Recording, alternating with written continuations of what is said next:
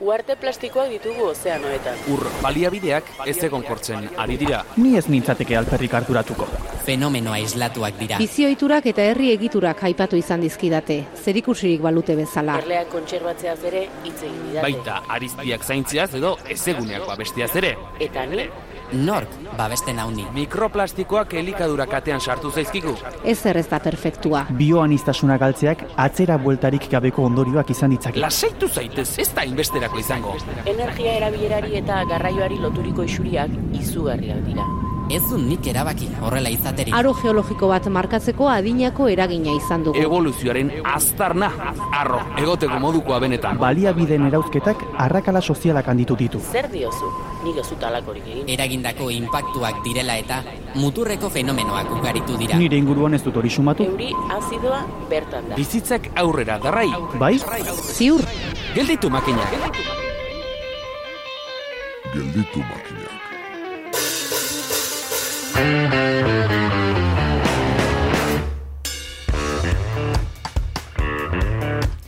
Badakigu nahiago duzula lanera autoz baino, oinez, bizikletaz edo garraio publikoz joan. Bai, baina denbora dela, ordutegia dela, espaloiare alakoxea, lasaia dizkide, gaur zakurako beste aitzakia bat, arkitektura. Eremu bizi eta bizigarriak izateko arkitekturak, irigintzak eta antolaketa urbanistikoa duten garrantzia zariko gara, proiekta urbeseko miren bibes eta patxi galarraga kideekin.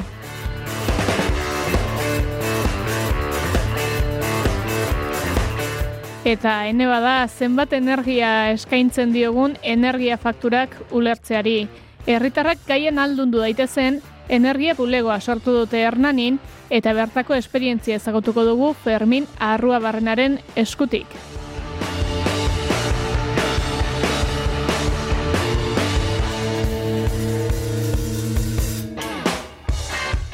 Etxeak, elektrizitatea eta gasa baino askoz ere gehiago hementxe gelditu makinak saioaren hirugarren denboraldiko hogeita bosgarren atalean.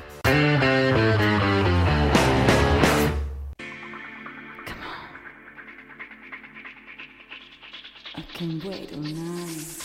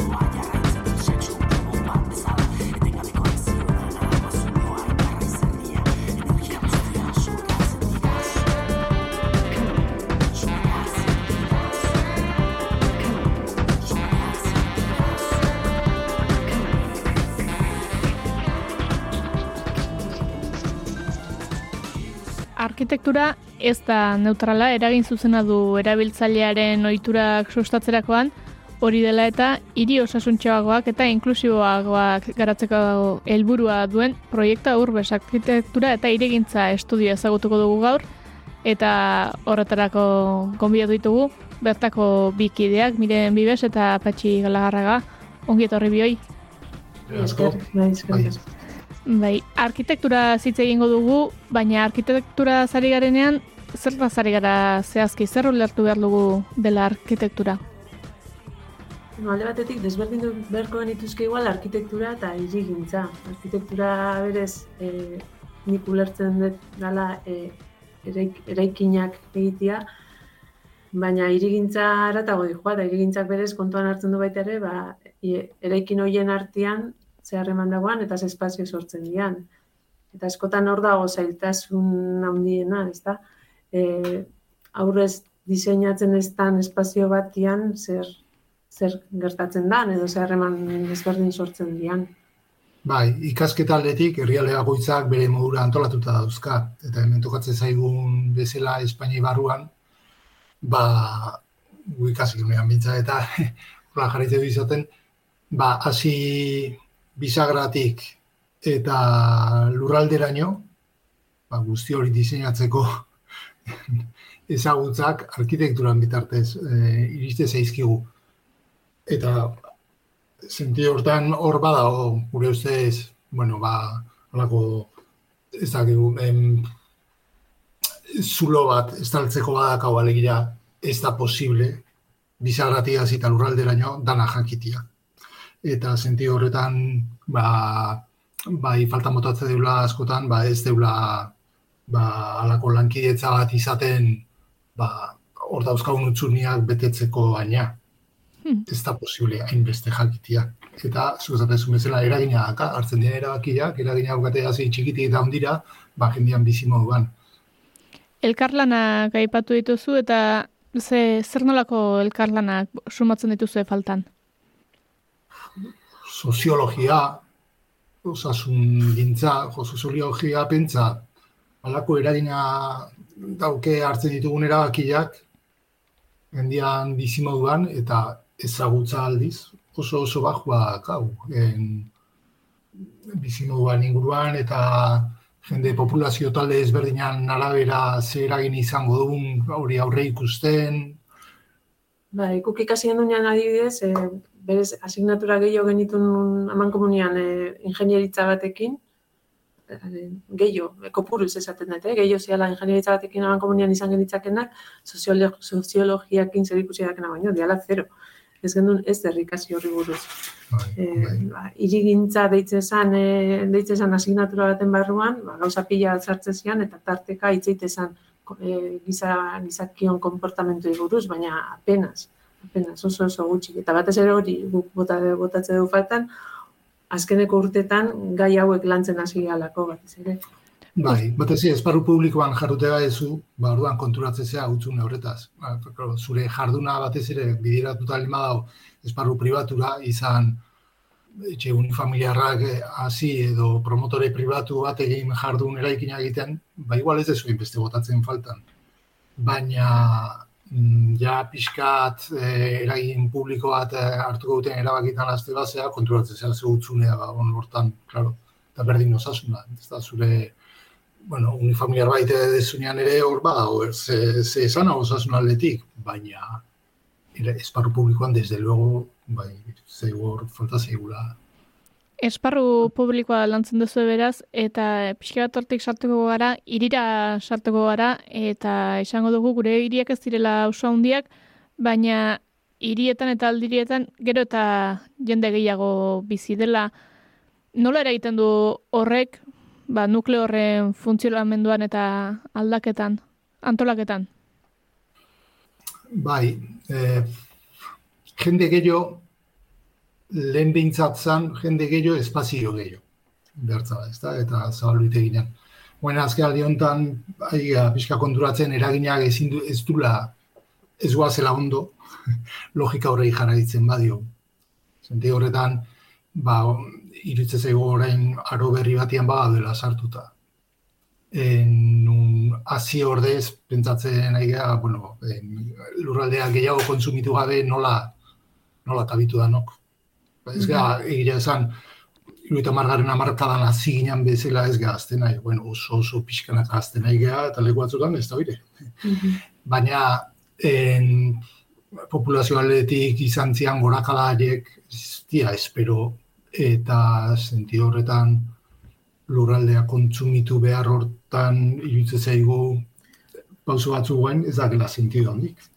Ez, eta gero aparte, gure, gure ingurunia, batez ere Gipuzkoa eta Bizkai, Bizkaiakoa, oso, oso berezia da, ez da, azte, asko azteko oso zaila dauka. Orduan, e, jo, bizigea alde hortatikan, ingurune oso privilegiatu batian. Ze berez, Gipuzkoa ulertu behar, ulertuko litzateke hiri handi bat bezala edo zein e, beste edo zein lekutan, bai populazio aldetikan eta bai okupatzen duen territorio batikan, ez da oso handia Gipuzkoa bea. Nazkana da, e, nukleo oso asko. Nukleo oso esatetenian da oso osatu. E, e, herri bakoitzak, nazka bere e, bizi, bizilekuak, dazka herri asko daukate beraien industriagunea, beraien hezkuntzarako hezkuntzarako ekipamentuak, osasun gintzarako ekipamentuak, e, berez, auzo bezala ulertzen baditugu, auzo bezala ulertzen badi baditugu, dia auzoak, ba, beraien ekipamentu guztiak dazkatenak. Ordan, zentzu hortan oso privilegiatu gea, ez dakagu behar horia igual, agian beste, beste territorio batzutan daudenak, irira hurbiltzeko behar hori, igual ez da horren beste, horren beste erainokoa. Horren beste erainokoa izan, igual azkeneko urteetan eman dian, e, eman dian pausuak, izan dia pixkat, e, ba, bai, zentralizazio hortara, ez da. E, izan daiteke. E, bai, e, horretan, bai, irakurketa hori egiten dugu, eh? Espainiatik buelta bat eman da, Europako leku askotatik buelta bat eman ezkeo ikusten da askotan. Fuh, ba, adidez kotxiaren gandiko, eo, muikortasunakin dependentzi gehiago habla gudak hauna gaino. Guk, oinez, leku askotan, oinez gauza asko eta asko indezakegu. Eta gure bizimodua aurrea desenteate dezakegu. Beste leku hori mm. imposiblea. Eta irutze zaigu hor, hor bide hortatik aurrera jarraitu erko nukela konturatuaz ze indargunea azkan. Bai. Ja, baloratu behar ditugu eta zaindu behar ditugu e, gauza hauek, eh? Eta hori bai irutze segula oso garrantzitsua. Ze, hai asumitzen eta eh, azkagun arazuak eta gu berez ez azkagu hain handiak. Ez dia, guretzako ez dia hain arazo handiak. Orduan, babestu behar dugu daukagun, daukagun hori. Zinti horretan, ba, parke teknologikoak, horrelako polo, aldenutako polo berriak sortziak, horrek berez, ba, ba, bide horretan atzea pausu bat iritsi zaigu ala, ez da? Zertan sortu olako dependentziak, ba, lendik, ja, balimak egun nundikoan, nundikan di joan bide zuzena, gure uste zuzena gana, klaro. Horratera duzue garraioaren gaia eta eskolako eman dezake, besteak beste ez dugulako zuen ogibidearekin askotan lotzen, baina beste bat helduko diogu lehenago eta ona inari zinetelako ez, ba, agian gure hirien neurriagatik eta gure nukleo urbanoen neurriagatik ez ditugula mundu mailan beste hainbat herrik dituzten arazo berak hala ere esango zenukete e, bueno, nola dauden osasun aldetik edo gure arkitekturak nola egin dezakeen hiri bat osasuntsuago? Bi, bi zention oso oso aurrena oso oso orokorrak bi gauza alde batetik gure osasuna babestu inberko luke irigintzan hartzen dian erabakiak, lurralde plangintzatik hasi eta arkitektura laino eskala guztitan, ba, lehenengo hausen arketa da, bueno, nik nola babestu dezaket jende honen osasuna. Eta hor, ba, kutxea gura eta holako gauzekin aztegea, ez da. Bat da hori, eta bestia da, nola sustatu ezak ditzakegu ba, ohitura osasungarriak ba, jendearen gan. Batetik babestu, bestetik sustatu. Eta edo eskalatan egia esan, egin daiteke asko eta asko. Zente horretan osasun aldetik determinatzaia esate zaio ba, zure osasuna baldintzatzen du nura. Eta osasun zientziatan oso garbi haukate irigintzat arkitektura baldintzatzaio oso importantia dela. Ze gaixotasuna edo edo Ondo eza. ondo, ondo eza izan, edo ondo eza konponduko lukena, ba oso eskura jarri dezake irigintzak. Eta ardura horrekin saiatzea egiten gure proposamenak, ardura horrekin konturatuaz, ba, ez da egit zuen ba, norbean herriko arkitektua, ba, udal arkitektua, ondo begiratuta osasun eragilea dela ulertu behar du. Eta ordura horrekin hartu ergo lituzkela erabakiak. Bai, agian adibideekin igual hobeto ulertzen da, ezta? Baina, bueno, frogatuta dago, ba, e, naturakin harremana dauzkaten e, elementuek e, eragin oso positiboa daukatela gure ongizatean. Ba, gure estres maila jaisten du adibidez, ba, pasiara bat emateak e, e, ondartzan edo mendian, o, Baina alako, ez da, naturakin harreman horrek gure estres maila jaisten dula guk nahi ala ez. Gure asmoa hori izan, ala ez, hori frogatuta dagoen zerbait da. Orduan berez, bizi baldin bagea, inguruta- inguratutako gauzo batian, edo gure etxeko lehiotik, ezin bagea etxetik erten, gaixori daudelako, gure etxeko lehiotik zuaitzak ikuste baitugu, parke bat ikuste badeu, bizitza nolabait hori ikuste baldin badeu, horrek ja guri mesede egiten digun zerbait da. Orduan, etxe bakoitzak eduki beharko luke leio bat gutxienez e, aukera hori emango dizuna, ez da? E, kanpoakin harreman zuzen bat eta garbi bat emango dizuna, ez da?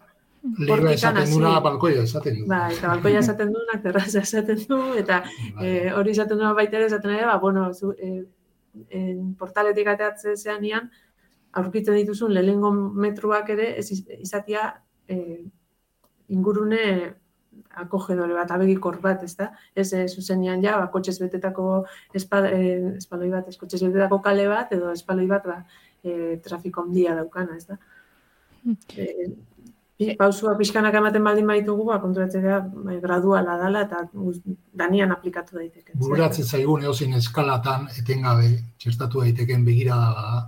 Eta azken finean, ba, erakunde batek gai honei ematen dion garrantzian horren arabera txertatuko du edo ez. Baina oso txertagarria eta intuiziotik oso hurbil dauden erabakiak hori garai garrantzia ematia da askotan eh, kakua. Bai. Zuei aditutako kontzeptu bat da gainera, irian lurzoru iragazkorrak behar direla edo areagotu behar direla, e, aipatu iguzu ez zela lurzoru iragazkorren kontu hori? azken finean da nola nola in, eman indarra intuizioak ja adierazten digun horrei. Iruditzen bat zaigu zuaitza gehiago behar ditugula eta berdegune gehiago behar ditugula, horrela adierazi dezakegu, edo adierazi dezakegu beste bide honetatik. Eta bide honek lotzen gaitu, ba, aldaketa klimatikoak eraite ditun kaltiakin. Claro, euri jasak eta ba, bere zikluak eta aldatuko baldin bada eta bere indarra ba, baita ere aldatuko baldin bada, ba, gure hiriak ez baitu prestatzen horretarako, ba, etorriko zaizkigu holdiak. Bueno, kontua zein da, horren bitartez erresago lortuko dugu aldatzea bere erabakiak, erabakia hartze dituztenek. Esan behar dio, kontuz arriskoa dator, golde arriskoa handiagoa izango da, horrela adierazi behar diogu berdeguneak nahi ditugula. Ba, igual horrela adierazi behar diogu. Gu- Nola adiera- horrela adierazi behar diogu aparkaleku gutxio behar ditugula, asfalto gutxio behar degula. Ba, horrela baldin bada izan da dira horrela. Orduan, batzutan ez dugu guk ere da oso garbi izaten mm, helburu bat jartzen deunean, en el fondo hori helburua dan, edo berez tresna badan lortzeko urrunago da hon helburu bat. Orduan, luzu iragazkorrak nahi ditugu, bai, hori zera helburu bat, jo, igual da tresna bat kotxiei leku gutxi egiteko pixkanaka gure herrietan, Lehen ere aipatu dezue eta esan, du, esan dugu helduko geniola garraioaren gaiari. Arkitekturatik ez dakigu zenbat eraino gertu ote dagoen edo arkitekturatik zen nola ulertzen den garraioa irigintzaren parte dela bai ulertzen dugu. Bai, berez garraioa, garraioan bitartez lotzen dira eraikitako eraikitako eremuak. Orduan ja erabakiten duzu momentuan nun eraikiko duzun zer, e, garraio sistema batekin pentsatzen daizea.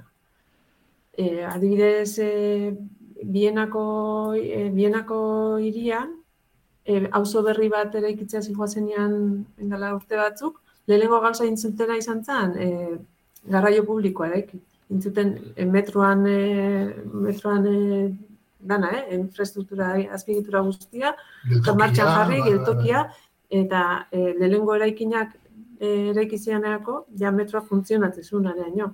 Hau da, zuk auzo bat urrun planteatzen duzu momentuan, planteatzen, planteatzen dizia, nola, nola iritsi behar den horrea. Eta oso injustua da, e, planteatzia hori, ba, bakarrikan e, ibilgailu e, pribatuakin irisgarri izatea, hori oso injustua da. Orduan, e, politika on bat da, sustatzen duna, ba, garraio publikoan inan izatea, ez da? Bai, bai, gauzak urrun kokatziak, edo urbiago kokatziak, erainaka jendian denbora, eta jendian denbora, danona, muga bat dauka. Eguna goita lau ordu dazka, bere muga dazka. Oso injustua da, imaginatzia, lekutara iristeko, ba, mundu guztia beharko ditula, amar minutu, kotxe ez amar minutu tardatzen dalako, ja. Baina horre ze ondorio dazka beste pertsona batzuntzako. Eta hor, ba, beti ezela, e, baliabideen banaketa ez da berdina, gizarte guztian. Ez diruz, pero ez demoraz. Eta orduan, ba, badira zenbait populazio talde, ego zenbait jarduera, zaintza lanak ba, denbora gutxi uzten dutena poltsikoan. Eta denbora horrekin nola bait zure bizimo aurrera atea erba ezu, ba, irigintzan hartzen dira erabaki asko kaltegarria izan daitezke. Asko, bai, esan esan. Ba, esaten danean, e, adibidez, ba, e, emakumeak, e, emakumeak e, nola lan e, partzialak eta hartzen ditugun, e, zaintzarako denbora gehiago dakagu, e, ondorioz zaintzarako denbora gehiago daukagun, askotan ez da horrela izaten. E, alderantziz izaten da, nola zaindu beharra daukagun, den, e, lan partzialak hartu behar ditugu, ezin ditugu lanaldi osoak e, hartu, zaintz, zaindu behar hori daukagulako. Eta lana e, aukeratzeko orduan eta ba, beti aukeratu behar izaten da askotan, ba, urbilekua, e, garraio publikoak e, e, irisgarri izango dana, e, bueno, ba, ba, lan ba, baldintzak, baldintza bietara mugan eta daudelako, kasu asko. Mm -hmm. Asko aipatzen den kontzeptua bestalde deskarbonizazioa da, eta gero eta gehiago ikusten dira ba, bestelako ba, ibilgailuak, garraio publikoare sustatu nahia behintzat e, azaltzen da. E, uste dezue, gure iriguneak edo prest daudela deskarbonizazio prozesu baterako, beste nolabait garraioa, beste nolabait antolatzeko aukerak behintzat ikusten dituzue? Bueno, hemen kotxe elektrikoan inguruan iritzi bat badaukago pixkat em, kotxe elektrikoa erregai fosiekin dijoena daño obia da, vale. baina ez da soluzioa. ez da soluzioa. Soluzioa obia da kotxe gutxio behar izatia. Hori bai dela soluzio obia. Sentio horretan, begira hor jartzen baldin bada, ba, horra gertzen dira, oinezko ibilbien jonetorien sustapena, garraio publikoa edo bizikletaren sustapena. Ze, lehenengo, izango litzake gure ustez, deskarbonizazioan alde, da kotxe gutxio. Ondoren, izango da, bueno, daudenak izan ditezera elektrikoa, izan ditezera elektrikoak. Ordan, kontu da, lurraldea dakau prest, ez dakigu, erabakiak hartzen dituztenak da, badauzkagu prest, horretarako, Bai, kontua da. hemen industria automobilistiko handia dagoela, orduan e, nola, orekatzen, nola orekatzen ditu behar industria horren beharrak, berez deskarbonizazio behar horrekin. Bai, bai. lurraldia bai, badaukagu prest. Lurralde kompaktua daukagu, esaten genuna gauza kurbili dauzkagu. Munduko leku askota askotan amets bada orla orden batian zure bizimodu aurrea ateatzia, orla orden bat oinez eginez, eta gure herri askotan, ba, ba bitu, neurri hortan txen moitzea. Eta horlako lemak jartzen dituzte, e, helburu ia utopiko bezala, guk hemen dakau, esku, esku eskura. En deskarbonizazioan alde, desde luego, guretzako pauso asko ze erain korraua izango litzake, helburua izatea kotxe gutxio. Ta, da, da, daudenak, ba, bueno, ba izan ditezera elektrikoak, baina bai, paradigma pixka talatu behar da, bezala hor trampatxoa diten, dio gure burua, kotxe elektrikoa berez ez da etorri zidadiak salbatzea, etorri da kotxaren industria salbatzea, berez. Orduan, ba, ba, bueno, bai, senti horretan, asko egin daiteke, eh, eta irigintzatik egin daiteke, egin daiteke asko, baina ezakigu erabakia hartze dituenak horre begirada horre hori partekatzen duten, klar. Irigintzatik asko egin daitekela esan duzu, eta hortik pixka pixka tirako dizut, adibiden bat edo ekartzerik bautu zen duke. Ba, ez da, zaila, da, eta bitu hori gaina osasun zientzietatik aspaldi eragutzi ziguten gauza eta da, osasungarria dana erresagoa izan da dira. Eta osasunan, osasunai kalte iten diona izan da dira zaiagoa, adibidez. Zigae baten erri, erdigunean junetoriak itia zema eta zaioa izan kotxez, horunda gutxi jo ingoa. Ba, hain gauza simplia dago erabaki askoren oinarrian, ba, guretzako eredu dian herri askotan naita zailtasunak jartzia kotxeai. Bai junetoria egiteko edo bai aparkatzeko. Aparkatzeko eskaintza, pixkanaka, pixkanaka, ez da? Kopina ben, nola da? Bai, da, urtean euneko, euneko iru aparkaleku kentzen ditue. Azkeneko amarkadeetan. Azkeneko goita bosturtetan, horrela eixe da maakite. Eh? Zentraldian, ba, euneko irua kendu. Eta ez da zer gertatzen da, pixkanaka ba, evaporatu iten dira. En, junetorri beharrezkoak ez dian junetorri horiek, ba, ala, da gaina esaten da disipatu edo termino hori erabiltzen da ez da. Bai. Bueno, ba, zeltasuna jartzia da. Eta, eta horrek errazten duna baita ere da, e, mugikortasuna, kotxe bietartezko mugikortasuna hobetzia. Ezkenean, behar dunak, kotxe erabiltzia behar dunak, erabila izango du hobeto. Ez da beti atasko berdina sastuta gongo.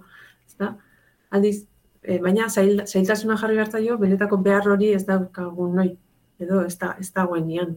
Bai, ba, donostian, universiadetik, ba, ba, bizei noa junberko bainu, zentro aldera, ba, zuzenean junberrian, ba, nahi eta nahi ez, kanpora erten beharra, variantetik jun, eta alako batean iristia. Bueno, ba, horretara behartu trafikoa, eta esango dizute, i, gehiago tardatu dira. Bizikletaz baino gehiago tardatu dira, eta abor, jazta, babak ikurrungoan zein berdeken, hartu za bizikleta. Bueno, baino, behar nila, bueno, ba, behar bauan, ba, lasai, eman buelta gozua, baino, inunez da jasota eskubidia, nun kotxez, azkarrago iritsi behar dezun bizikletaz baino. Eskubide hori ez da. Baina, egin behar dana hori, zeltasuna jarri junetoriai, eta zeltasuna jarri aparkatziai, errex, aparkatze horrei. Orduan, ba, neuri oso oso oso erresa dira merkia dira. Uste dute alkate asko ez diala neuri e, popularrak, baina gure ustez gizartia uste baino aurrerako da zinti horretan, eta gero eta harrera hobia daukela horrelako erabakiak, eta ondo esplikatu ezkeo. Eta asko ez dago esplikatu beharrik ere. Ze aplikatu ezkeo, ondo aplikatu ezkeo, onurak bere ikusten dira. Oso gutxi dira, atzea bota dian e, oinezko eremuak esan, oa, oinezko ere bat indeu, eta oain derrepente zen, ez eskotxiekin hobeto zion, nun gertatu da hori. No, protestak beti egongo dira, hasiera batean.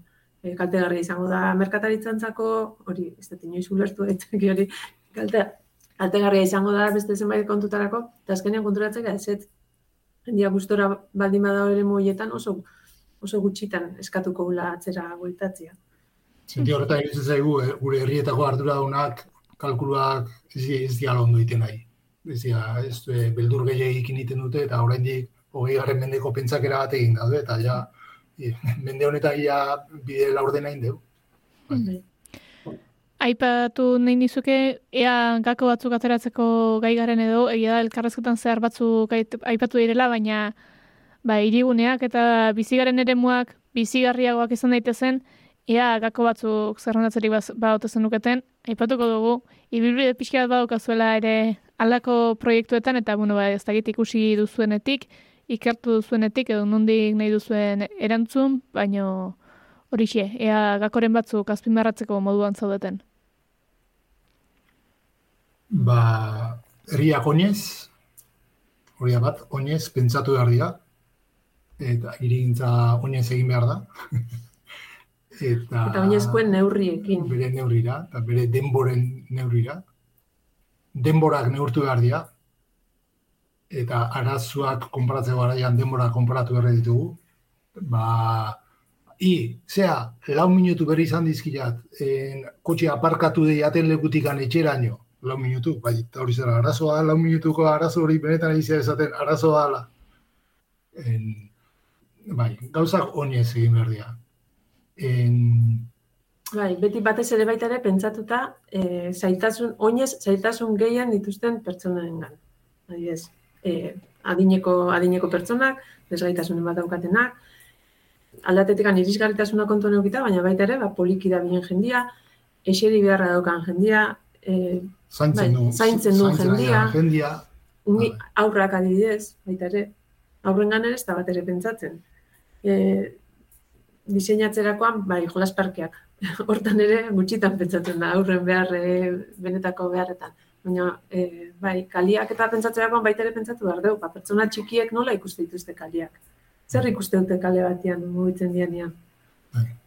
Orduan, er- herri batei bere mezua izan daiteke, imaginatu aur autonomoak nahi dituzuela zuen herrietan. Zazpi osortzi urtetik aurrera, bere bizimodua era autonomoan egingo duten aurrak. Eman astindua zure herriai lortu arte hori. Ba, bakarrik eh, ardatz horrekin iaia daukazu eh, iraultzia herri bat. Beste batean zi izango da, izango da adinekoak. Ba, e, venga, adineko e, zartzaro aktiboa sustatuko dugu eta batzutan ardatz horrek balio die. Bate pile bat dauzkagu irikitzea, baina serio e, irikitzen baditugu, iritsi gaitezke beste aldera eta astindu bat eman mugikortasunari. En, merkataritza txikiai, zate du, bueno, nolakoa da eraikinen eta espaloia juntatzen daneko eh, be solairu horiek. Zer da, gure zidaetako be solairu horietan? Bizirik daude? Bueno, hor, hor lanketa oso Bai. importante egin daiteke eta horrekin zalantzan jarri, ba, herritik kanpora egiten dian merkatal zentru handiei. Ezta? Zate, bueno, zer irabazten dut eta zer galtzen dut. Oreka horretan, zer ematen diogu garrantzia. Hori eta udaletatik zer egin daitez, zer egin daiteke hoiek mant, bizirik mantentzeko. Eta gero bizirik egon arren bizitza hori e, begibistan usteko. Hori ere oso garrantzitsua irutzi zaigu adibidez, ezta? E, azkeneko urtetan oso modan jarri da, ba, ba, viniloak jartzea adibidez e, e, eskaparatetan, ezta? Viniloak pixkat eskutatzeko batzean bulego bat baldin bada, edo e, fisioterapia, o, uler, ulergarria da, eh? viniloa jartzeana baina horrek ez dio eskaintzen bizitzarik eh, espazio publikoai. Espazio publikoak benetan, kaliak benetan izateko atseginak, eh, erakargarriak, una izatea hor hor egotea, izan behar du bizia, izan behar du, eta bizitza, hori eman behar da kaletikan barrura eta barrutikan kalera. Gauza behar gertatzen da, ba, balkoiekin, fatxadekin, eta horreko kontuekin, ez da? Hor konpromiso bat egon behar du eraikinen da espazio publikoan artean. Konpromiso bat. Zer ematen dizu eta zer ematen diazu. Ezin deguna da, hain gauza esparru pribatua, hain nabarmen eh, jarri gauza itxu bat bezala, ba, espazio publikoakin hitz egiten ez duna, ez da. Hori etzan horrela, eta konturatu gabe, gerota itxu hau egiten ditugu gure eraikinak, hasi txikitik, azken hau milimetro hortatik vinilua izan, edo en, nahi dan eskalatan begiratuta, eh? baina konpromiso hortan galdera hori inber etengabe, eraikin baditen degunean. Zer nago prest espazio publikoa edo komunidaiai emateko? Metro bat utziko diot, eh? adibidez, plazatxo bat ingoet, erretiratu ingo nahi pixkatxo bat, eta utziko dut espazio bat nun ez da garbi publikoa o pribatu da, baina, bueno, egon gela bada hor kanpuan. Bueno, horrelako gestua egite zituzten, eraikin asko eta asko eta oraindik ere batzu bite dituzte, baina beste batzu berriz, ez da sentimetro bat ere. Eta gardentasuna, ah, zipitzik ere ez. E, o, e, ez da, ez da harremanik sortzen barruan da kanpo artean da. Horrekin irutzen zaigu asko galtzen, asko galtzen ari dela. Kaliek asko galdu dute, eta eraikinek behaiek ere asko galdu dutela. Horren adibide dira, ba, balkoiak adibidez, eh? E, balkoietan e, da- daukagun e, jarduera posible bakarra baldin bada e, bueno, zarata pizkat egon da, bueno, Eh, lasai, lasai, bai. Bai, ez horren adibidea adibide, dala baita ere, ba, e, balkoiak diala adibidez, ezta? E, azkeneko urtetan, lehen balkoiak, ba, iruita gamargarren amarkadako eraikin gehienetan, balkoiek zituzten barandilla, barandillak, ba, barrote finekin barandillak, ezta? Joera bat bai egon dela, ba, barandilla horietan e, jartzea e, hori, e, Plastiko, plastikoa, plastiko berde horiek, edo, artifizialak eta... tapatzeko intimidade, intimidadean, e, intimidade pixkat eukitzeko, ez da? Gero baita ere, sortu dian balkoi asko dira, ba, petuakin, e, adreiuzko petuak altxatu dira goraino, eta horrekin lortzen desuna da, aterrazara eukitzia, ba, zure... Baina horrekin espazio publikoak asko galdu du. Asko galdu du. Ze hor, bai, pertsonak daude, baina ez dituzu ikusten. Kali, kaletik zabiltzen ez da. Eta kaleko bizitasun hori baita ere da, ba, ba, jendia balkoietan ikustia, ba, erropa egiten, edo landaria zaintzen, edo irakurtzen, edo, ez da, orduan, patxik izatezun hori. Ez, ba, zertza de preste emateko, jaso nahi desunan, jaso nahi desunan ordainetan. Bai. Eta hor, en, en el fondo, en umiak ez dute diseinatu peto, peto itxu bat, eh? Ze umiak, barandiaik ez badaka, ez du kalia ikusiko. Berdin, etxetik erten ezinean, be, oian etzan dago berdun adineko pertsona batek, barek ere bere lehiotikan, ez du kalia ikusten, ez, ez badaka barandila bat eta peto bat baldin badauka. Hor, en, sakondu daiteke leku Asko, askotan, asko leku askotatik. daiteke. Nahi Ba. beste, baina gu geratu gara kontu batekin eta dela, bueno, zuei eskerrak beste nola baita ikusiko dugula irigintza eta pentsatu behar balin bada, oinez pentsatu behar dela hori horrekin geratuko gara. era bat. Ba, eskerrek asko miren bibes eta patxi galarraga gurean izateagatik eta bueno, proiekta urbes eh, lanean egiten dituzuen kontuak azaltzeagatik. Vale, zuei. Zuei. Eli pagolarekin geldituko dituzu makinak naiz irratian.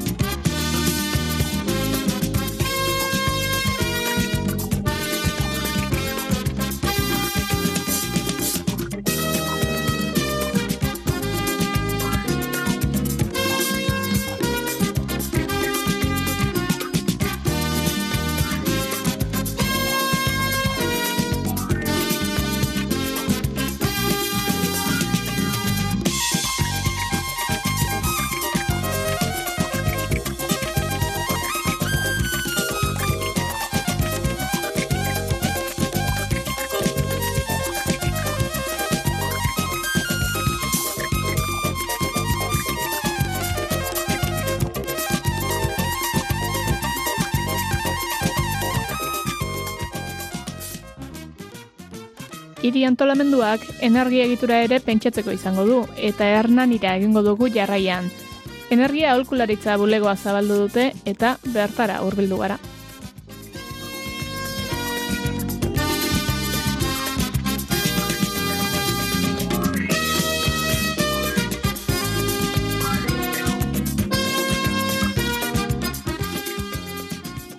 Erlanin herritarrei eta enpresei energia aholkularitza eskaintzen dien energia bulegoa sortu da eta zertan den jakiteko bulegora bertara etorri dira eta Fermin arruagarrenak jaso gaitu. Eskerrik asko, gu bertan da Fermin. zer, arratsaldean. Berdin. Joan den, azarotik zabiltzate martxan bulegoarekin, konta iguzu, ze harrera izan du ordutik ona? Harrera oso ona, orain arte berreun bat kontsulta edo auki ditugu. eta oso ona, baina aurreko zitakoaren arabera. En, bai ikusten genulako erranin bat zegoela behar bat ba, herritarrei emateko edo alduntzeko energia, energia alorrean. En, horregatik, energi, dauka berezitasun badauka, naiz eta udalaren zerbitzua izan, berez en, erranin sortutako enerkon komunitate energetikoak ematen du zerbitzu bada. Hau da, bertako kooperatibako bazkideak, baina neunda larogi bat inguru gaude, e, lantalde desberdinetan, eta hor proiektuen lantaldekoak ba, identifikatu zuten, er, ba, genula herritarrok behar bat, ba, energia mailan en, alduntzeko alor guztietan, eta baino batez ere eta zuzenean eragiten duguna egunerokoan eta gure poltsikotan, ba, faktura energetikotan, bai elektrizitatean eta bai gasean. Ze, zerbitzu hau zuzenduta dago energia komunitateko kideentzako, herritar guztientzako, ernanetik kanporako jenderentzako, nun da muga? Em, erraniko herritar guztientzako da zerbitzua, baina e, dagoen beharraren arabera ere ba, kanpokoa edo bueno, inguruko jendea ere etortzen ari zaigu. Eta etortzen direnak batez ere ze zalantzekin edo ze eskakizunekin etortzen dira? Ba, batez ere argitzea faktura energetikotan edo kontratu energetikoan zertan datzan, hau da, ba, gehienuneko handi batek, gehiengo batek ez baiak zer daukan kontratatua eta ze baldintzetan, eta behintzat da azaltzea, zer dago kontratatuta, ze modutako kontratuak egin ditzazketen, eta horren arabera jakitea ba, zeinekin eta nola egin. Hmm, eta iko soluzioak edo izate, esateko gai zineke? Bueno, izango da patroien ba, bat. Ba, bai, badaude bas, adibidez, oain gasarenan en oso urgentea da eta oso argi eta garbi dago ba, tarifa erregulututako en, kontratuak asko zerre konbeniagarriagoak dela merkatu librekoak baino. Eta en, eitziten nahi diru kantitate oso onditaz. E, lau bost aldiz gehiagoko en, prezioak egidia merkatu librean egiten, hau da, e, guk kalkulatua daukagu estimazioak en, orain hernanin gutxi gora bera, Otsailan erdi aldera etorriko dira bilabetekako fakturak, hau da, azkeneko aldiz fakturatu zen erran inguruan abenduan erdi aldea, oain etorriko dira bilabetekoa, eta kalkulatu dugu, ba, oikoena izango dela bosteundik sortzinen euroko fakturak. Hau da, berez, boste hola aldiz gehiago horreintzen nahi bazea, ba, izan beharko luketenak egun da berrogeita mar, berreun euroko fakturak, ba, jendere horiek izan ordainduko ditu seireun, zazpireun, zortzireun, eta holako kasuak ikusi ditugu zuzenean bat baino gehiago ezin ingo ditu ordaindu fakturak eta bueno, so kasu gordinak eta latzak ikusten dira. Hmm. Aipatu duzun bezala, batez ere jendea elektrizidadearen fakturarekin eta gasaren fakturarekin etortzen da, Hala ere, badago ba, beste energia mota batzuen inguruko aholkularitza ematen duzue, badago zalantzarik horren inguruan? Bai, e, energia bulegari balio ematen diona da komunitate energetiko energetikoaren bidez, enerkoenen bidez ematean, ba, nahi dugu em, zerbitzu gehigarri bat edo herritarrei ez desatea bakarrik kontsumitzea edo bilatzea fakturarik merkena dala egin dezakegun gauza bakarrak energian, baizik eta badauela al, alor oso zabalak eragin dezaketenak gure gure energia ereduan. Batetikan, merkeena ateratzeko modurik egokiena da gure kontsumo energetikoak ba, optimizatzea edo aldi, aldi, aldan eta eraginkorrenak izatea. Horrek zutenean eragingo du gero bai prezioan eta bai beste ondorio batzutan ba, en, en produkzio ekoizpen energia murriztea horrek ekartzen du ba, ez diala inbeste azpigirututura egin behar eta gero ere bai ba, behiratzea nundikan, nundikan ere sortu dezakegun en, energia hori ez, ba, en, ekoizpen instalakuntza berreiztagarria dituzen ekoizpenetik, eta, bueno, pixka da, jendeari, pixkanaka, pixkanaka, alduntzen jutea, eta jakitea, ba, energiaren inguruan ze nola eragin dezaketen. Askotan gainera, ba, diru laguntzak eta proiektuak eta izaten dira lako bueno, energia berriztagarrien instalazioen inguruan, jendeak oroak jakiten du horien berri, zuek eh, eskaintzen duzue zerbitzu hori. Jakin, jakin badaki badaudela, baino laguntza horiek kudeatzeko orduan, ba, lanketa zaila da.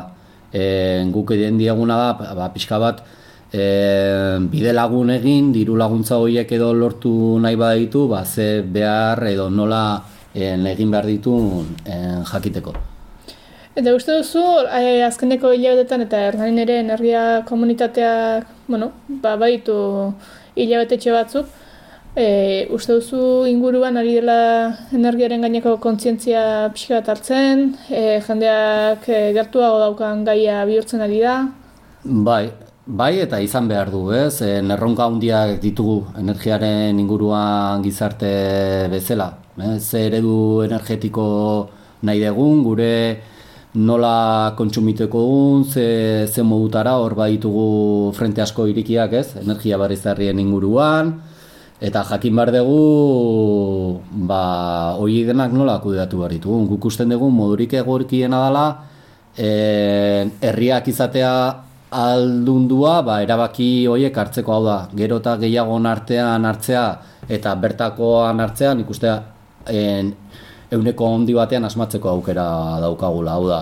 Erabaki uneak gero eta urrunago egon eta gutxi, gutxiren esku egotea, ba, seguruna beraien, beraien en, erabaki horiek hartzeko kontuan hartuko dituzten irizpideak ez dira guriean berdinak izango, ez? Eta hor pixka da, komunitate energetikoaren en helburua erabakiak lokalki hartzea eta aldan eta jende gehiagoenen artean. Aipatu duzu frente asko ditugula eta orain bat aipatu duzu dela erabakien eskumena, gehiago zein aipatuko zintuzke?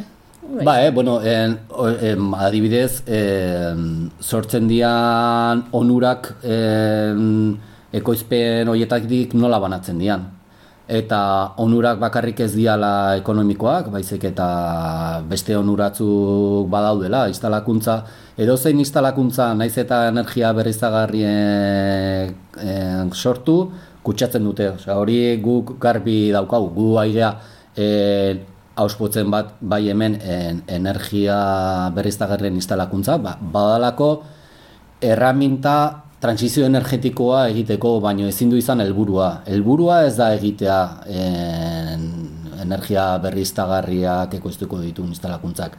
Hoi dia, erramintak, helburua da era, en, transizio energetikoa edo eraldaketa energetikoa aldan eta azkarren eta modu demokratikoenan edo modu en, bai, demokratikoenan e, egitea energia bulegoan eta komunitatea en, erraniko herritarrok en, osatuak egotea en, ematen dio ba jendeari en, konfiantzazko puntu bat en, aurkitzea energiaren inguruan. Badakigu energia mailan edozein alorretan kontratu bat egiteko orduan ba jendea oso mesfidati dala edozein gauzetarako eta orduan ikustea energia bulegoak kudeatzen nahi herriko jendea gehala e, komunitatea osatzen dugunak denak erraniko herritarrak gehala, ba, ematen dio hori, ba, herritarrei jakitea konfiantzazko puntu hori dagola energiaren inguruan eta edo zer gauzetaz lasa egiten dezaketela eta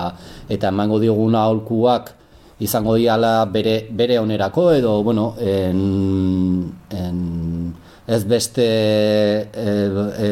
helburu ekonomiko edo bat bilatzen, baizik eta ba, bera alduntzeko eta jakiteko zertan nahi da, ba, ematen nahi zaigu ba, kriston, kriston balio erantxia ez. Adibidez, ba, ba, ditugu, ejemploa jartzatetik, ja uste hiru ardu boteia, bi, bi piper bote, lau bote atun, ba, jendea tortzen dugu eskertua, eta ez dago, ez dago beharrik, baina ba, ikuste dulako herritarrek, ba, ez dut, ba, bintza badakite mendik aurrean, noa jun behar deten, eta lasa gauzak eh, konsultatzeko. Sondo, ba, ba eskerrik asko Fermin, ez egit, gehitzek hori geratu zaizun edo? Ez, ba, em, ba, jendea animatzea bere herritan en, energiaren inguruko em, ba, zalantzak edo keskak edo balin baditu, ba, erranin bezala komunitate energetiko bat sortzeko ba, alegina egitea, eta gu hortarako pres gaudela, ba, edozeinekin gure esperientzia partekatzeko eta gu egiten agiana ba, konpartitzeko. Hori da gure helburutako bat. Beste herritan, antzeko komunitateak sortzea eta bareekin partekatzea ba, gure esperitzeak eta gure gure bidea. Gainera ikusi da herri desberdinetan komunitate bakoitzak bere zaugarri propioa garatzeko gaitasuna daukala, bere erronkak zein dian ikusiz. Bai, hori da, bai, komunitate energetiko eredu ere desberdina gaude, ba, eredu desberdin horietan jakingo du bakoitzak nun, nun ubikatzen da, non zein ez duen egokiena dena, edo pentsatzen duguna dela oberena herriarentzako. Guk sortu dugun komunitate energetikoa, esan dizuten bezala, nahi dugu ba, ambiziosoa gera, hau da, energiaren ikuspegi guztiak nahi ditugu lotu, ez gaude autokontsumo instalakuntza fotovoltaikoak egiteari bakarrik lotuta, ez da bakarrik ez ezin du izan horrela, pentsatzen dugu ezin du izan horrela, baizik eta energiak biltzen dituen eredu em, alor guztiak e, lotu nahi ditugu eta ere bai garrantzitsuena da eredu komunitario batetik. Hau da, gure komunitate energian energia hitzak garrantzia askoa dauka, baino energia hitzak bezain beste garrantzia dauka komunitateak hau da. Modu komunitario batean ez badego egiten, proiektuak ez dauka zentzurik. Sondo, ba, eskarek asko, Fermin. Ez da zer, ez da arte. Aio. Gelditu makinak.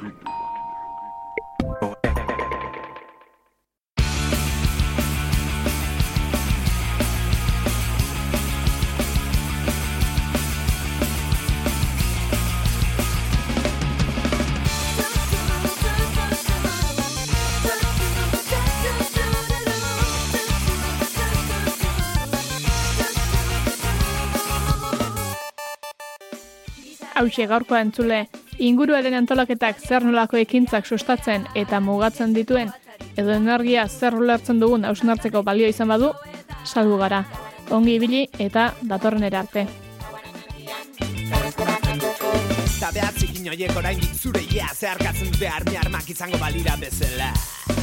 Otxoaren beia, zapuztu ezazu bengo, Venus politauen, Gorpus Margot.